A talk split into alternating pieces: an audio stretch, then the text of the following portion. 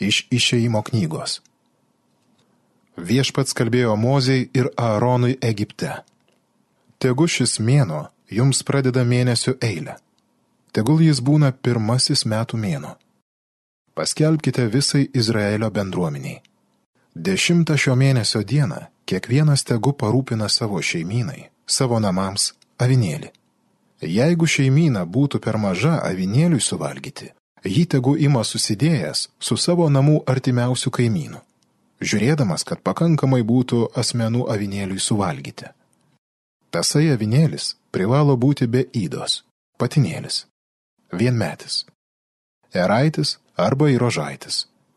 Jį palaikykite iki 14 šio mėnesio dienos. Tada susirinkusi visa Izraelio bendruomenė pavakarę avinėlius te papjauna. Reikia paimti avinėlio kraujo ir juo patepti šoninės ir viršutinę durų staktas, namų, kuriuose avinėlis bus valgomas. Ta naktį reikia suvalgyti mėsą. Iškeptą ant ugnies reikia suvalgyti ją su nurauginta duona ir karčiamis salotomis. O valgyti avinėlį turėsite šitaip. Susijuosęs trienas apsevę kurpėmis kojas, laikydami rankoje lasdą. Jį valgykite paskubomis. Busgi viešpaties pascha, perėjimas. Ta naktį aš eisiu per Egiptą ir išžudysiu visus jo pirmagimius, žmonių ir galvijų. Įvykdysiu teismą visiems Egipto dievaičiams. Aš, viešpats. O kraujas ant staktų namų, kur jūs gyvenate, bus jūs saugantis ženklas. Pamatęs kraują, pro jūs aš praeisiu ir jūsų neištiksta nelaimė, kurią nubausiu Egiptą. Šią dieną privalote kas metai minėti. Ja šveskite amžiais, kartų kartomis, kaip iškilme viešpaties garbiai. Tai Dievo žodis.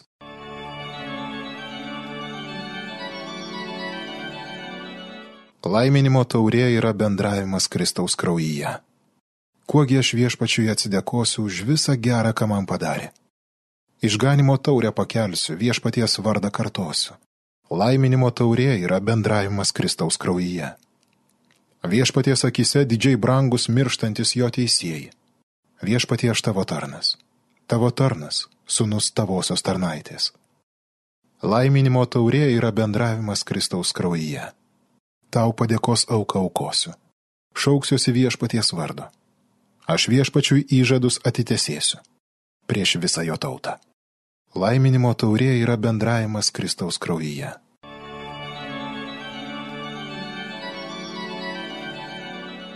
Iš Šventojo apaštalo Pauliaus pirmojo laiško korintiečiams. Broliai, aš tai gavau iš viešpaties ir tai perdaviau jums, kad viešpats Jėzus tą naktį, kurią buvo išduotas, paėmė duoną ir sukalbėjęs padėkos maldą, sulaužė ir tarė. Tai yra mano kūnas, kuris už jūs duodamas tai darykite mano atminimui. Tuo pačiu būdu po vakarienės jis paėmė taurę ir tarė. Ši taurė yra naujoji sandora mano kraujyje. Kiek kartų gersite, darykite tai mano atminimui. Taigi, kada tik valgote šitą duoną ir geriate iš šitos taurės, jūs kelbėte viešpaties mirtį, kol jis ateis. Tai Dievo žodis. Iš Evangelijos pagal Joną. Tai buvo prieš Velykų šventės. Jėzus, žinodamas, jog atėjo valanda, jam iš šio pasaulio keliauti pas tėvą ir mylėdamas savuosius pasaulyje, parodė jiems savo meilę iki galo. Vakarieniaujant, kai velnės jau buvo įkvėpęs Simono Iskarijoto sūnaus judo širdin sumanimą išduoti jį, žinodamas, kad tėvas yra visą atidavęs į jo rankas, kad jis išėjęs iš Dievo ir einas pas Dievą, Jėzus pakyla nuo stalo nusivelka viršutinius drabužius ir persijuosia rankšluoščiu. Paskui įsipila vandens į praustuvą ir imamas goti mokiniams kojas bei šluostyti jas rankšluoščiu, kuriuo buvo persijuosęs. Taip jis ateina prie Simono Petro. Šis jam sako, viešpatie nejautumas gosi man kojas. Jėzus jam atsakė, tu dabar nesupranti, ką aš darau, bet vėliau suprasi. Petras atsiliepė, tu nemasgosi man kojų per amžius. Jėzus jam sako, jei tavęs nenumasgosiu, neturėsi dalies su manimi. Tada Simonas Petras sušuko, viešpatė ne tik mano kojas, bet ir rankas ir galvą. Jėzus į tai atsakė, Kas įsimaudęs tam nėra reikalo praustis, nebent kojas nusimasgoti, nes jis visas švarus. Ir jūs esate švarūs, dėje ne visi. Jis mat žinojo apie savo išdavėją ir todėl pasakė, jūs ne visi švarūs. Numasgojęs mokiniams kojas, jis susivilko drabužius ir sugrįžęs prie stalo paklausė, ar suprantate, ką jums padariau? Jūs vadinate mane mokytoju ir viešpačiu ir gerai sakote, nes aš toks ir esu. Jei tad aš viešpats ir mokytojas, numasgoju jums kojas, tai ir jūs turite vieni kitiems kojas mazgoti. Aš jums daviau pavyzdį, kad ir jūs darytumėte, kaip aš jums dariau. Mėly Marijos radio klausytojai, šiandieną baigėsi gavėnė. Šiandieną prasideda didysis tridienis galima sakyti, gerasis tridienis. Laikas, kada vyksta didieji išganimo įvykiai. Didžiojo ketvirtadienio vakarą mes visi kartu nusikeliame į paskutinės vakarienės menę. Šiandien tą paskutinės vakarienės įvykį mes negalime išgyventi be jaudulio. Paskutinės vakarienės menėje jau yra Jėzus su savo mokiniais. Tas vakaras atrodo lyg ir toks pat kaip ir daugybė tokių pat vakarų prieš minint išėjimo iš Egipto įvykį. Minėta ne kartą ir ne du. Visą tai negali nejaudinti. Galbūt kiek netikėtai viešpats pakyla nuo stalo, persijuosia rankšluošiu ir ima šluostyti mokiniams kojas. Tokio gesto tikrai nebuvo numatyta nei Mozės įstatymė, nei tradicijoje, nei vakarienės scenariuje visiškai neįprasta, kad mokytojas plauna kojas. Juk priimtiniau ir suprantamiau atrodytų, kad tarnas plautų kojas savo šeimininkui. Lyg ir turėtų būti tokia jo pareiga. Todėl mes galime suprasti ir Petrą, sakydama žodžius, tu nemasgosi man kojų per amžius, jis ko gero neturėjo mintyje nei didybės, nei puikybės. Tik laikė Jėzų tuo, kuriam neverta tokiais dalykais užsiiminėti, nes jais turi užsiiminėti tarnas, o ne mokytojas. Tik vėliau jis supranta šį mokytojo gestą. Vėliau netgi prašo mazgoti ne tik tai kojas, bet ir rankas ir galvą. Nori neprarasti dalies su mokytoju. Trokšta visas panirti mokytojuje. Ir vis dėlto Jėzaus atsakymas galbūt truputėlį ir kiek keistokas, nėra reikalo praustis. Mokiniai tris metus vaikščiojo kartu su Jėzumi. Jie jau buvo panirę į jį.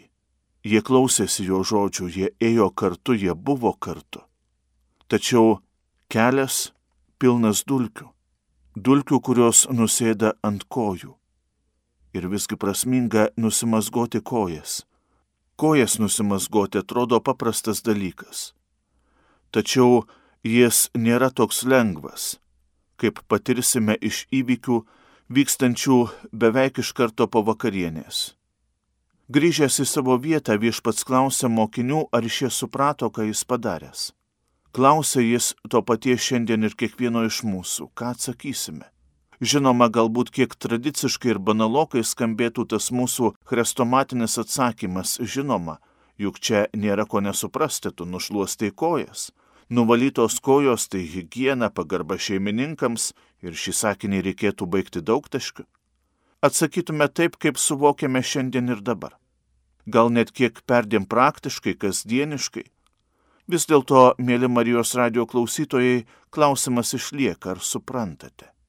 Šis klausimas turi lydėti mus per visą gerąjį laiką, didįjį laiką, kaip įprasta mumise vadinti didįjį tridienį. Tai, kas vyksta paskutinės vakarienės menėje, yra tik įžanga, yra tik tai pradžia. Vėliau visą tai daug ryškiau ir radikaliau atsikartos ir įgaus pilnatvę lyvų sode, Jeruzalės miesto gatvėse, Golgotos kalno viršūnėje ten jau nebebus Jėzaus persijuosiusio rankšluoščių. Ten jau bus Jėzus persiėmęs kryžiumi. Tad ar suprantame kryžiaus prasme? Ar priimama ji kaip gailestingumo versmė, apvalanti mūsų širdis ir gyvenimus? Ar ištame savo kančias vienyti su viešpaties kančia ir atiduoti jas už visą pasaulį? Absoliučiai visą. Viešpatie, aš dažnai nesuprantu, ką tu padarėjai dėl manęs. Tačiau tu gali išmokyti mane kryžiaus meno, aukos ir tarnystės meno. Šiandien aš dėkoju tau, kad parodėjai būtent man savo meilę iki galo, kad savo šventųjų kryžiumi atpirkai mane ir visą pasaulį. Amen.